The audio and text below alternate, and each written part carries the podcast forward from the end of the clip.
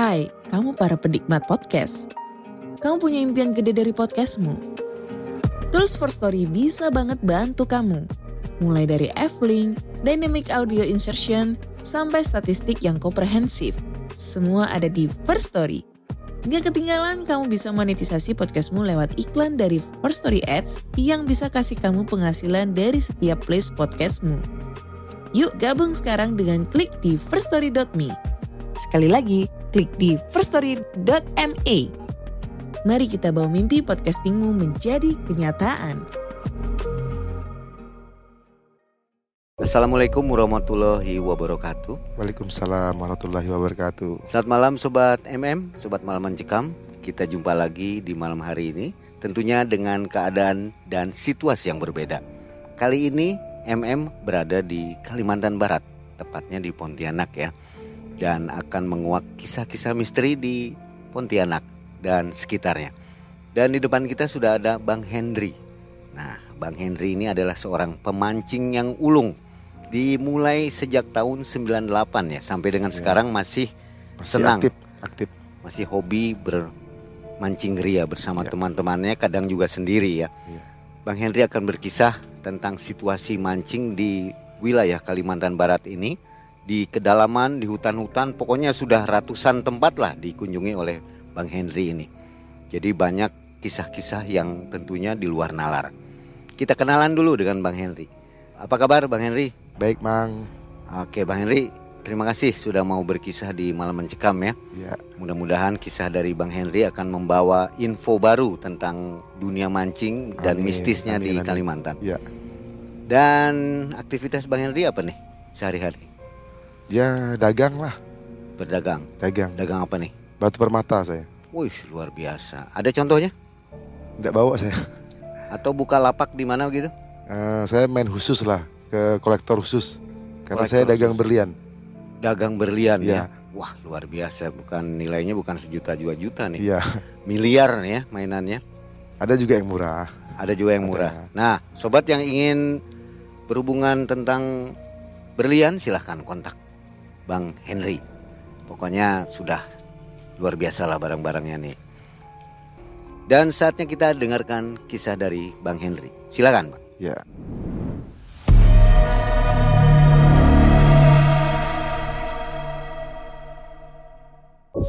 atau 99 saya mancing di daerah Rasau. Pada waktu itu saya mancing itu berdua sama teman. Berdua aja. berdua Eh, teman saya itu Rahmat. Jadi Bang Ahmad itu salah satu eh, teman pengajian juga teman perguruan silat juga dan beliau memiliki indera keenam. Jadi perginya pakai motor jaraknya dari rumah saya sekitar 30 kilo. Berarti kurang lebih setengah jam lebih lah jalan santai. Pas sampai di Rasau itu kurang lebih jam 5 sore gitulah biasa biasa seperti seperti biasa kalau kami mancing itu nyantai dulu di warung kan beli kue, beli makanan. Ya seperti biasalah, ndak ada ndak ada apa nih pirasat-pirasat mau bakal ketemu makhluk-makhluk yang astral.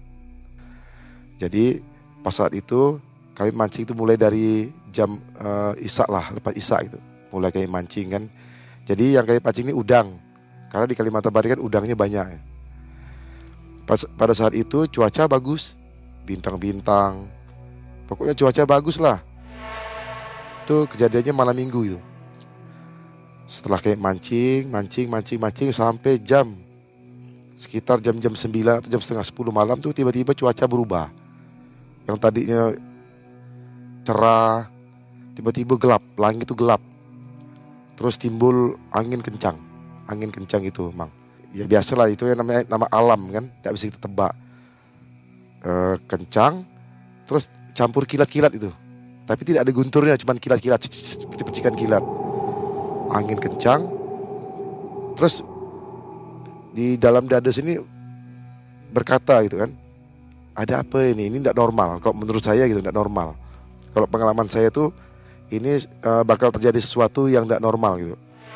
Tapi teman saya ini udah nangkap situasi ini. Dia kasih kode sama saya begini.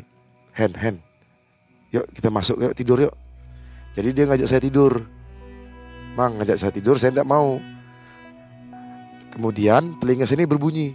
Sing, sing. Kalau pengalaman saya pribadi, kalau udah telinga saya ini berdesing, itu biasanya berdesing kalau orang Melayu bilangan, itu biasanya saya mau ketemu makhluk. Makhluk itu. Biasanya seperti itu. Maka saya tuh penasaran orangnya, saya penasaran. Jadi kalau belum ketemu tuh saya penasaran orangnya.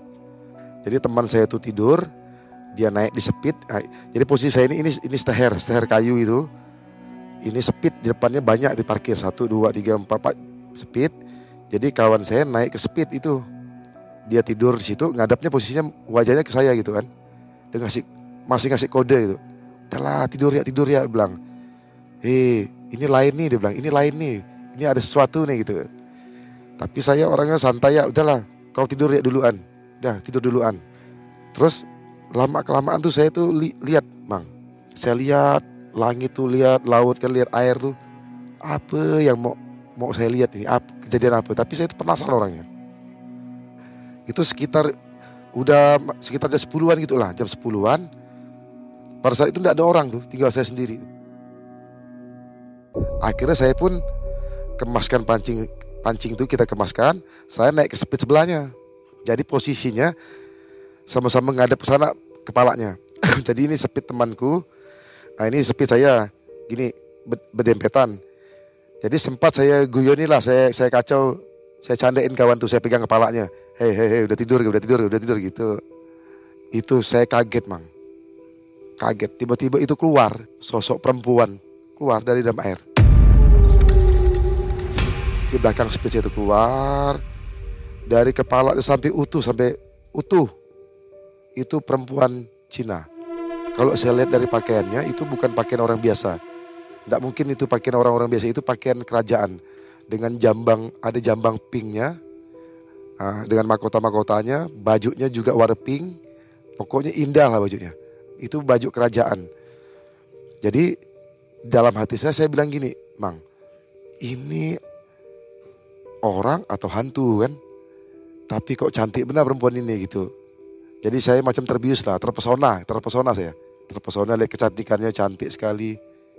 Kemudian cewek ini tuh tanpa ekspresi. Wajahnya itu eh, datar wajahnya, marah enggak, senyum enggak gitu. Santai, saya lihat dia, dia lihat saya. Cantik sekali perempuan ini dengan pakaian yang indah. Jadi saya pribadi enggak enggak nyangka ini hantu ada sekitar saya tatapan tatapan wajah tuh sekitar tiga menit lah. Tiga menit. Tiba-tiba tiba-tiba tuh dia melangkahkan kakinya ke sepit saya itu. Kakinya ndak nampak cuman karena dia pakai gaun waktu dia ngangkat kaki kan kelihatan tuh. Dia pijak sepit saya sepit saya itu ndak bergerak mang. Sedang sepit itu dipegangnya langsung gerak mang. Di situ saya kaget. Begitu dia pijakan kakinya saya mau bangun. Rupanya dia maju duluan Ditangkap di sini sana. Ini ditangkapnya. Pakai tangan sebelah kanan. Jadi kalau bahasa Melayu itu kerbuk, kerbuk itu artinya di, di cengkram. Di cengkram yang sangat kuat sekali sampai-sampai rasa-rasa saya jari jadi masuk ke dalam tulang-tulang saya. Sampai ke daging, sampai ke tulang. Saya menjerit tak tolong. Tapi tidak ada yang bisa nolong saya pada saat itu kan. Sampai-sampai kawan saya ini saya tendang pakai kaki ini. Pupu ada cewek nih cewek ini gila nih ngapa sakit nih? Tolong bu tolong. Itu kawan saya tidak bangun. Padahal kaki saya tendang tuh kena kena badannya.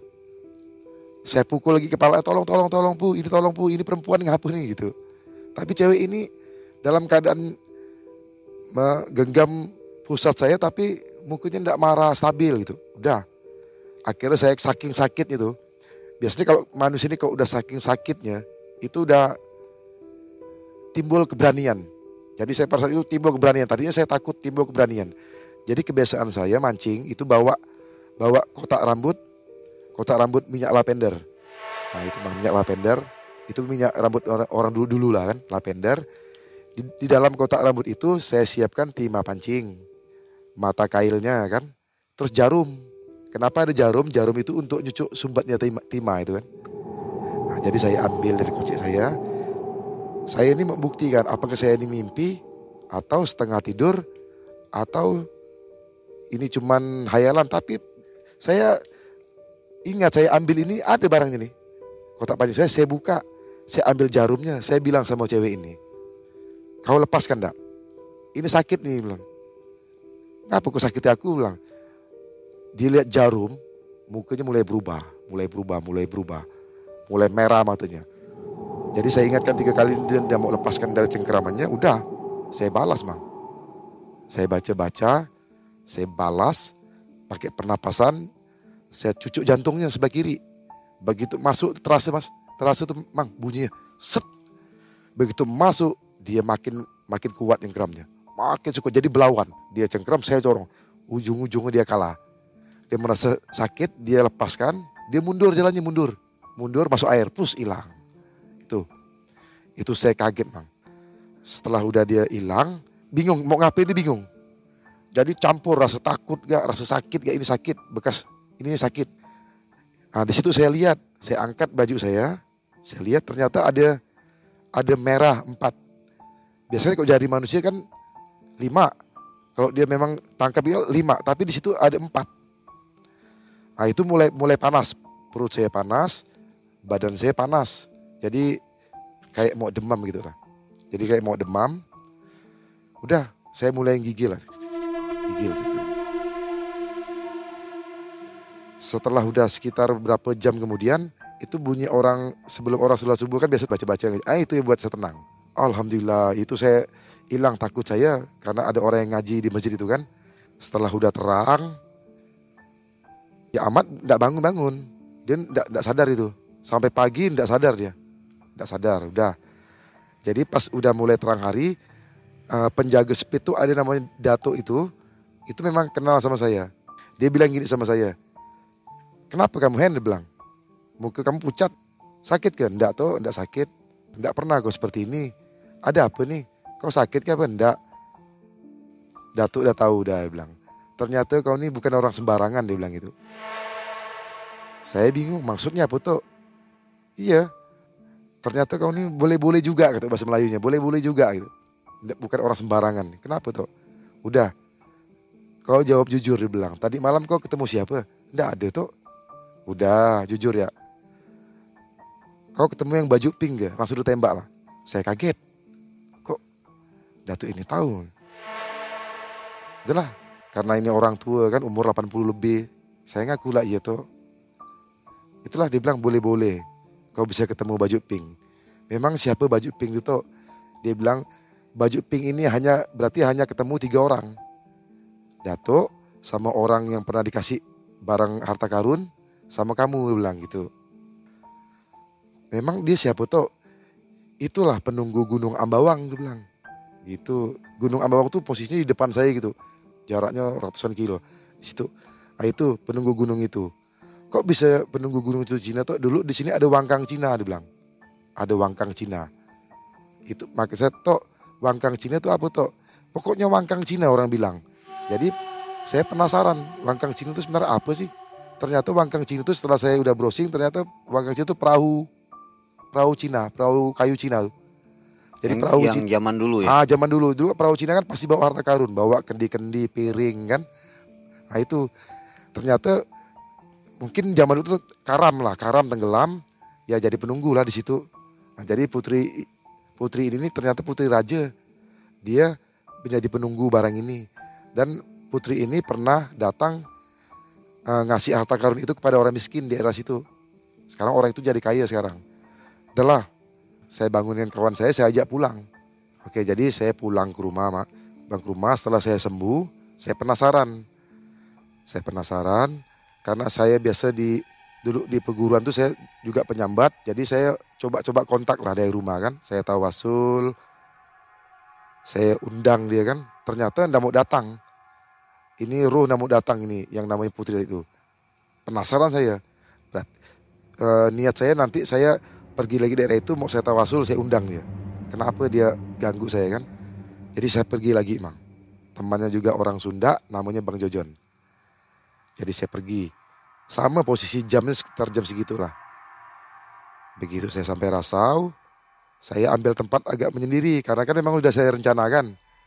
Bukan disepit, saya agak ambil ke daerah kanan. Di situ ada barau kayu belian, ada pohon mangga satu. agak sepi memang, tidak kelihatan teman. Jadi saya di bawah pohon itu, pohonnya rindang, pohonnya pun rendah. Jadi kalau saya berdiri itu kena lah daun-daunnya tuh rendah. Di situ saya tawasul kan, sambil mancing tuh. Ke mana larinya antu ini nih? Tiba-tiba datang, datang bang. Tapi yang saya heran datang itu duduk jaraknya dari saya 50 meter lah. 50 meter duduk tuh belakangi saya. Tapi hitam pekat. Saya pikir ini bukan. Saya tahu ini bukan putri Cina yang tadi malam. Karena auranya beda.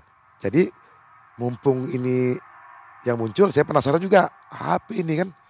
Itulah. Saya taruh pancing saya gitu, saya susun di sini, saya merangkak. Saya saya mau, mau lihat dari samping.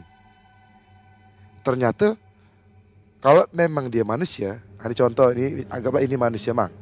Kalau kita lihat dari sini dapat belakangnya kan. Kalau kita ngedar ke sini ya dapat sampingnya.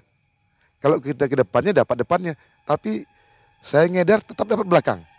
Nah di situ saya tahu ini makhluk astral. Jenisnya lain lagi. Udah. Saya kembali lagi ke pokok pokok mangga itu, pohon mangga, saya tidak mau kehilangan dia nih. Maka saya bakar rokok. Saya bakar rokok karena angin kuat jadi rokoknya tidak kena-kena itu. Hidup rokok tidak bisa-bisa. Akhirnya saya mandang api. Saya mandang api, hidup rokok saya hilang barang ini. Saya, saya, saya lihat kan sambil merokok nih. Sambil baca-baca lah kan. Baca-baca ayat. Ke mana ini hantu? Udahlah. Tapi feeling saya nih kayak dia ini masih masih dekat saya gitu mang mang kemudian bunyilah di atas kepala saya itu macam ranting-ranting dipijak itu di atas kepala itu langsung saya respon wah jangan-jangan di atas kepala saya nih barang ini udahlah jadi pelan-pelan mang saya pura-pura begini kan benar tidak meleset mang di atas kepala saya jaraknya ya kurang lebih lima jengkal dari kepala saya Jadi ini memang iseng hantu ini. Betul-betul di atas kepala saya duduk. Itu hitam pekat. Tidak ada wujudnya. Wujudnya manusia tapi hitam. Matanya tidak ada. Mulutnya tidak ada hitam. Karena saya ini udah terlanjur takut gak. Campur berani juga. Udah. Pancing saya saya gulung. Saya pegang gini. Saya angkat tempat udangnya. Saya pegang. Saya buka ikatannya kan. Saya mau siap-siap lari nih. Saya mau kasih kejutan karena dia saya anggap dia ganggu saya nih. Jadi sebelum saya lari tuh saya saya pukul ya pakai joran tuh. Jadi saya pukul. Pak dengan bahasa Melayu lah. Sialan kau nih bilang ganggu armaci. Saya lari. Itu kawan situ saya bingung. Ngapa? diam ya, diam, diam, diam, diam. Jadi saya cerita lah sama kawan. Kau ngapa? Ada benda itu. Kau lihat di mana? Aku pun ada lihat juga dia bilang, di mana? Terbang. Terbang ke ujung steher. Wah berarti itu hantunya, gue bilang. Aku bilang, tadinya di ujung steher. Tapi setelah udah bakar rokok di kepala saya. Hi, bilang, kalau aku bisa pingsan tuh, mana kita mau pingsan? Di atas kepala kita. Nih, kemas pancing, lah kita nyantai ya di warung, cari warung, cari warung, udah merokok lah. Jadi hilang lah takutnya. Lah, pulang. Akhirnya besok pagi pulang, cerita sama kawan-kawan. Jadi dia nih kepingin lagi mau ke mau, mau ikut saya gitu ke daerah itu. Pas kebetulan minggu depannya saya tidak mau lagi ke situ. Jadi saya pindah mancingnya. Pindah ke daerah berlawan arah lah yang tadinya Rasau itu daerah sana. Kami ke arah Penepat. Jadi lain arahnya. Nah, jadi sering kami ke arah Penepat. Setelah sekian tahun udah tidak pernah jumpa lagi bareng-bareng gitu.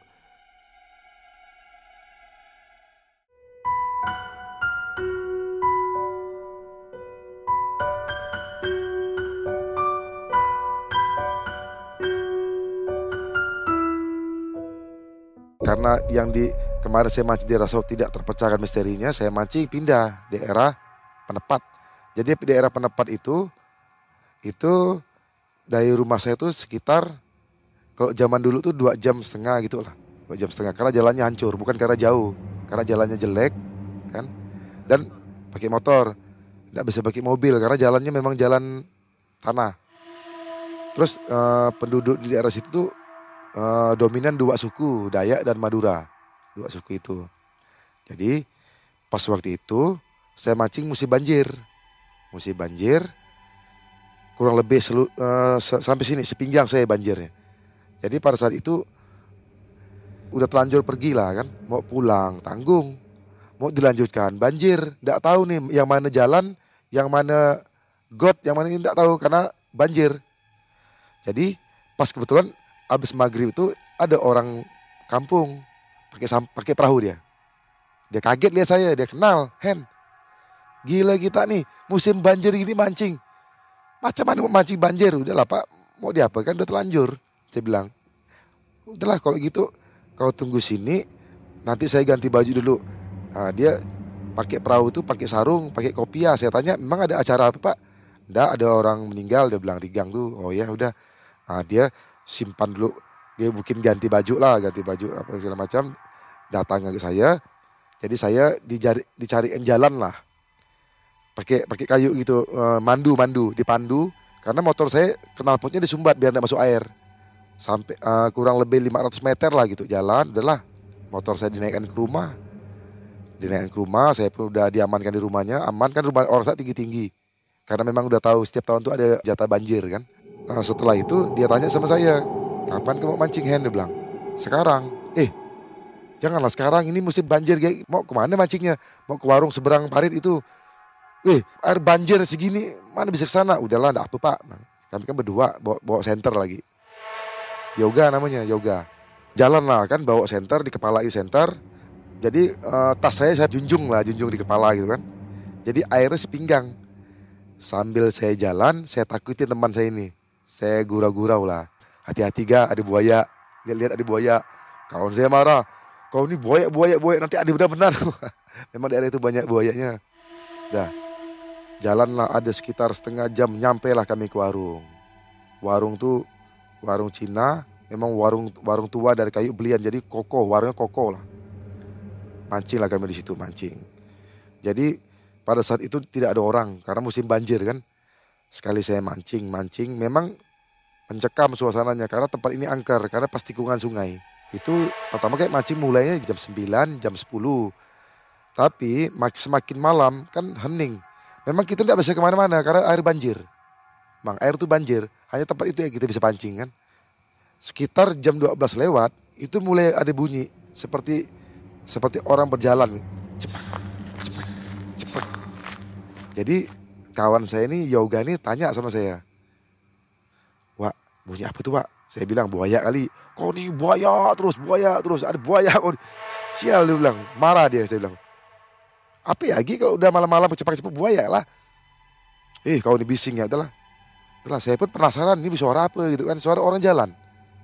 Saya saya tunggu lama memang muncul. Muncul anak kecil mang. Anak kecil ini kalau menurut saya tujuh tahun lah umurnya. Karena jelas karena warung kan terang benderang. Jelas wajahnya jelas orangnya jelas pakai celana pendek, jaraknya 50 meter dari saya dia datang jalan kaki. Dia menghampiri saya. Terus jongkok dia di dekat saya itu jaraknya sekitar 10 meter lah. Berarti kan dekat kalau 10 meter. Jelas kan? Saya bilang gini sama dia. Dari mana dek? Dari sana om dia bilang. Saya lihat tidak basah ini ada keanehan juga.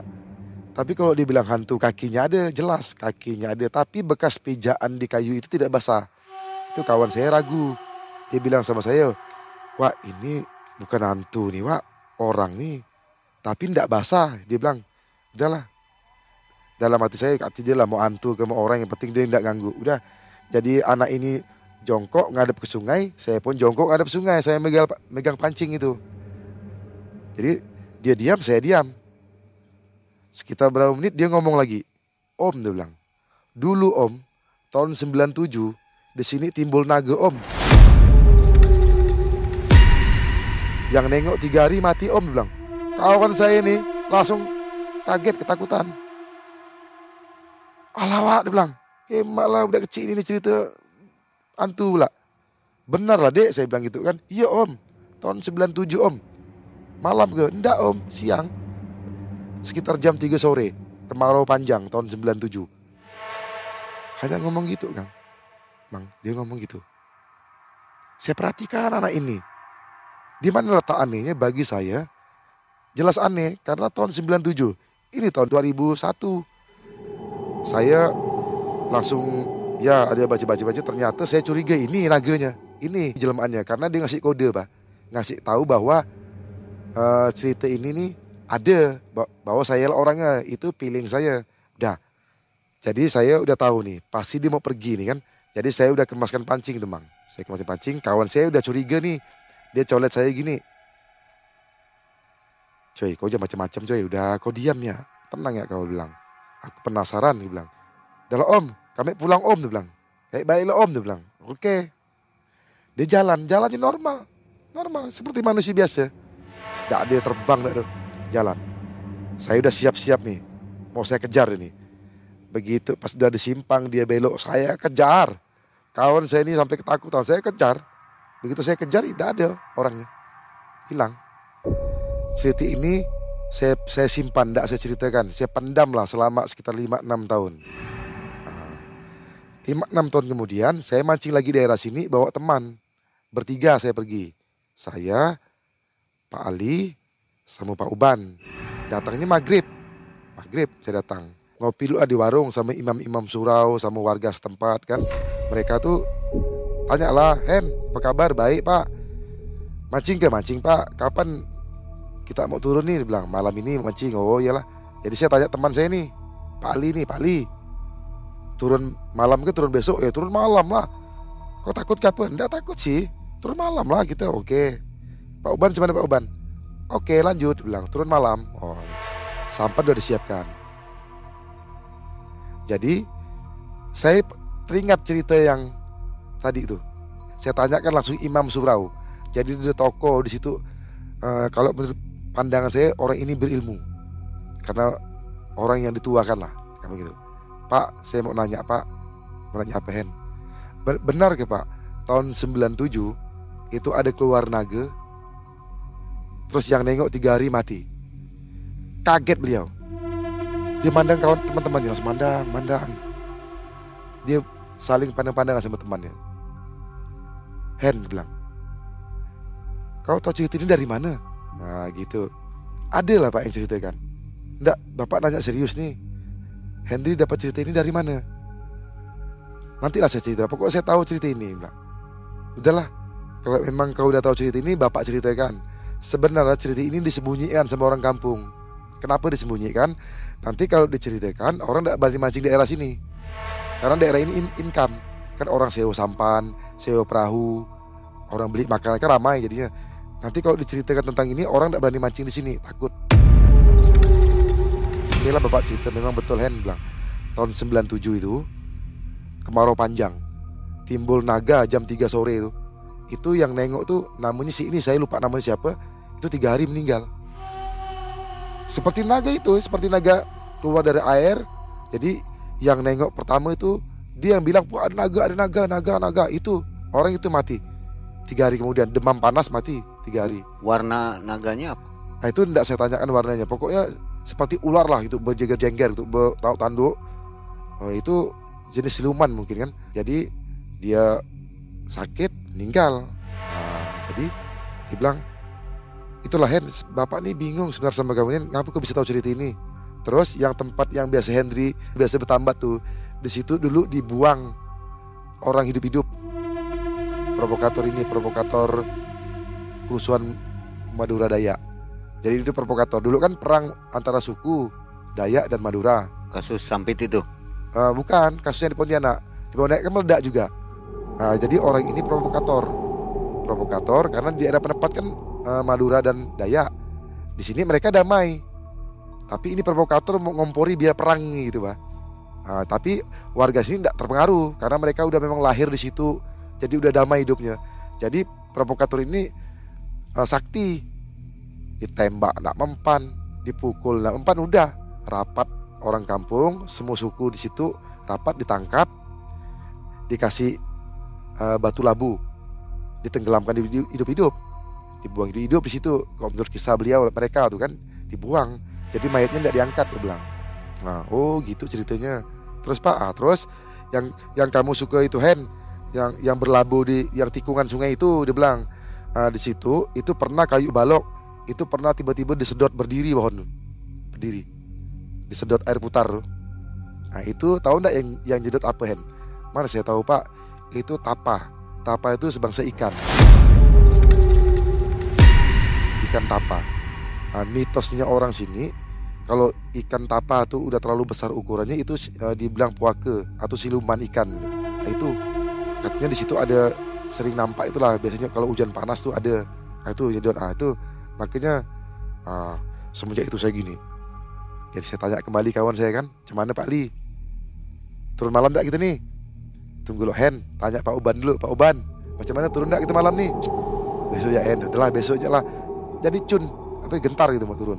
Karena itu udah dibukaan rahasianya terus dia bilang gini lagi Hen ingat-ingat ya karena kau udah tahu udah lah bapak kasih tahu sekali jadi yang cerita sama saya ini pawangnya pawang buaya. Jadi setiap tanjung di sini kan ada ada berapa tanjung tuh? Satu dua tiga empat gitu kan. Pokok di setiap satu tanjung itu ada buayanya satu. Tapi aman dia bilang karena kami nyugi kami piara. Jadi di apa di ada pawangnya. Nah, terus yang masalah naga tadi itu dibilang aman jangan jangan takut. Yang itu yang yang cerita langsung uh, pawangnya sama saya jadi orang Cina loya itulah kan dibilang Hen ini uh, yang naga itu aman tidak ganggu itu disugi pakai emas. Ditanam di bawah pohon tuh itu pakai emas tidak sampai satu gram sih setiap tahun. Nah, maka maka saya setiap mancing sering ketemu nengok langsung dan langsung uh, komunikasi sama orang daerah lah. Karena saya kan uh, suka berbaur sama orang. Mereka tuh yang cerita tuh. Nah itulah pengalaman saya mancing tuh. Udah semenjak itu saya tidak berani mancing malam tak berani karena udah tahu. Kalau kita udah tahu tuh rasanya macam mana ya? Was was kalau kita pergi ke daerah baru ya tidak takut kita karena belum pernah lihat. Nah itu. Jadilah akhirnya kita pulang lah. Pulang. Jadi kita cerita sama teman-teman kan. Uh, jadi di Kalimantan tuh masih banyak sungai-sungai yang angker tuh.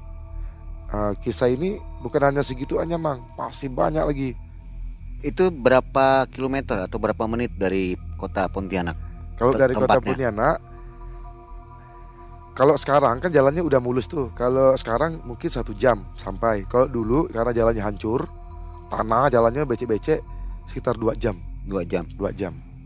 Sampai sekarang masih banyak yang mancing di situ. Masih.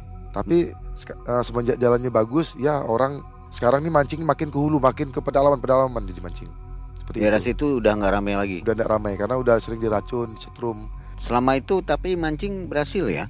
Berhasil. Ikan zaman itu memang banyak masih udangnya masih banyak masih karena masih natural ya ada sih yang nyetrum tapi jarang karena dulu kan mereka kan memang income-nya di situ hasil mereka tuh ya sewakan perahu sewakan perahu sewakan kapal kan uh, jual umpan itu buka warung untuk kita makan itu ya. income mereka tuh jadi penghasilan untuk warga setempat ya ya warga setempat ada kisah lain bang yang lebih mencekam ada Daerah jadi, mana bang? Itu daerah kembali ke daerah Sau. Nah itu saya lihat. Jadi pas waktu itu saya pakai perahu itu, pakai perahu. Jadi beda sungai tapi sama sungainya, sungai Rasau. Cuman yang saya ketemu hantu Cina itu itu di agak di hulu. Kami turun lagi ke hilirnya ke bawah. Nah, jadi nama daerahnya itu Selat Nyamuk namanya. Selat Nyamuk. Orang bilang kamu tuh, yuk kita mancing ke Selat Nyamuk. Pergilah kami. Jadi pada situ itu ramai sekitar 10 orang yang pergi. Jadi bawa perahu 10 dinaikkan ke kapal. Jadi berangkat kami pergi. Berangkatlah jalan kan. Kalau pakai kapal itu pasti malam. Udah kami hitung tuh e, dua jam setengah sampai. Berarti kami berangkat tuh sekitar jam 3 lah. Jam 3 subuh. Berarti jam 3, jam 4, jam 5 jam setengah enam tuh kami udah sampai di lokasi. Pas kan turunkan perahu kan mancing. Nanti pas turun di perahu tuh satu-satu satu orang satu perahunya mancing. Di dalam perjalanan tuh sekitar jam-jam 4 subuh itulah sebelum orang ajan subuh itu. Itu kebiasaan saya kalau saya tuh lebih suka mang kalau naik kapal tuh di luar. Kalau anak-anak kan tidur di dalam. Kalau saya suka di luar baring di atapnya tuh saya lihat langit-langit terus mang perasaan tuh. Saya lihat langit itu bintang-bintang terus kunang-kunang. Di pinggir sungai itu kunang-kunang indah. Itu luar biasa indah bagi saya itu jadi saya suka malam-malam sambil saya baca-baca apa itu kan. Itulah tawasul selawat biasa lihat langit. Terus pas sebelum sampai ke Selat Nyamuk ya pertengahan perjalanan lah ada nama daerah Teluk Pak Kedai namanya. Daerah Teluk Pak Kedai jadi saya lihat tuh ada macam bola api di pinggir sungai. Jaraknya kurang lebih dari kapal kami itu 50 meter lah. Sekitar 50 meter. Dia di pinggir kami kan di tengah nih jalan nih.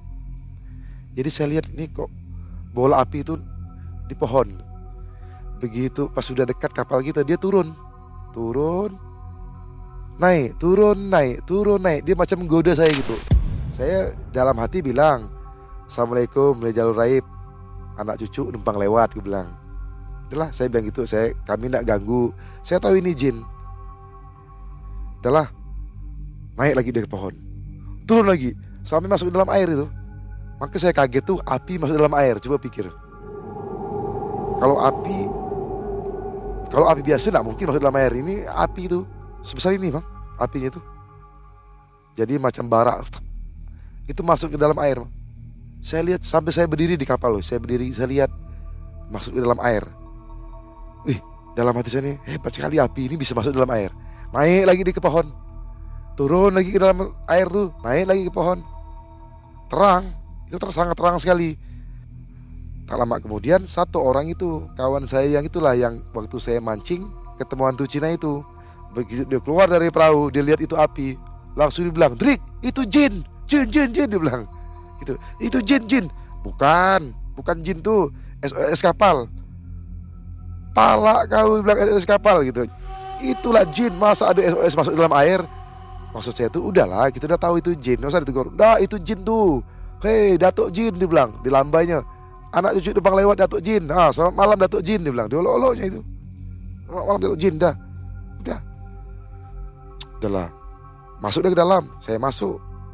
Kau ini memang degil nih udah tahu bahwa itu jin. Aku tahu itu jin jangan kita tegur kan karena barang ini kok tegur makin jadi. Akhirnya saya pun masuk ke dalam. Besok paginya kami sampai ke daerah Pulau Nyamuk itu. Pulau Nyamuk nah, di situ kami juga ketemu datang buas. Buaya besar. Kalau di daerah Selat Nyamuk itu terkenal buayanya besar-besar ada yang 12 meter ada yang 6 meter.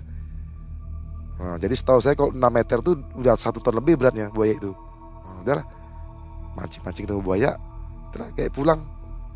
Jadi setiap saya mancing tuh pasti ada cerita mistisnya. Kalau enggak cerita mistis ketemu datang buas.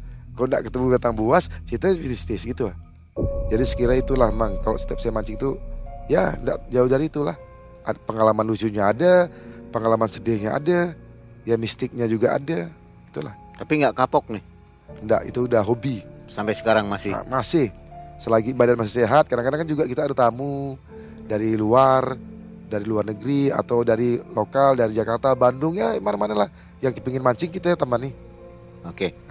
Jadi banyak kisah-kisah yang di luar nalar ya. ya di luar Apa nalar waktu mau berangkat mancing lupa baca doa atau gimana bang? tetap baca doa karena Tetap itu pesan ya. guru kan baca doa kalau Hen kalau mancing tuh kalau kita di darat ya tujuh kali ayat kursi tapi kalau di udah di atas air kita 17 kali tetap gitu ada penemuan-penemuan itulah Ya. Ah, penemuan-penemuan Jadi luar biasa ya uh, kisah di Iya. Kalimantan Barat ini. iya Jangan sembarangan. Tadi Jangan teman sembarang, juga betul. sompral itu ya. iya memang tidak boleh sesumbar lah Kira-kira Bang Henry ada pesan nggak untuk para pemancing yang akan memancing di Kalbar ini? Bi- eh, boleh ya saya ada pesan begini Eh, tolong kalau seandainya para para angler pemancing lah pemancing udang kah mancing ikan kah tolong eh, santun lah. Santun dalam arti apa? Eh, tidak merusak alam terus ramah sama orang tempatan gitu kan.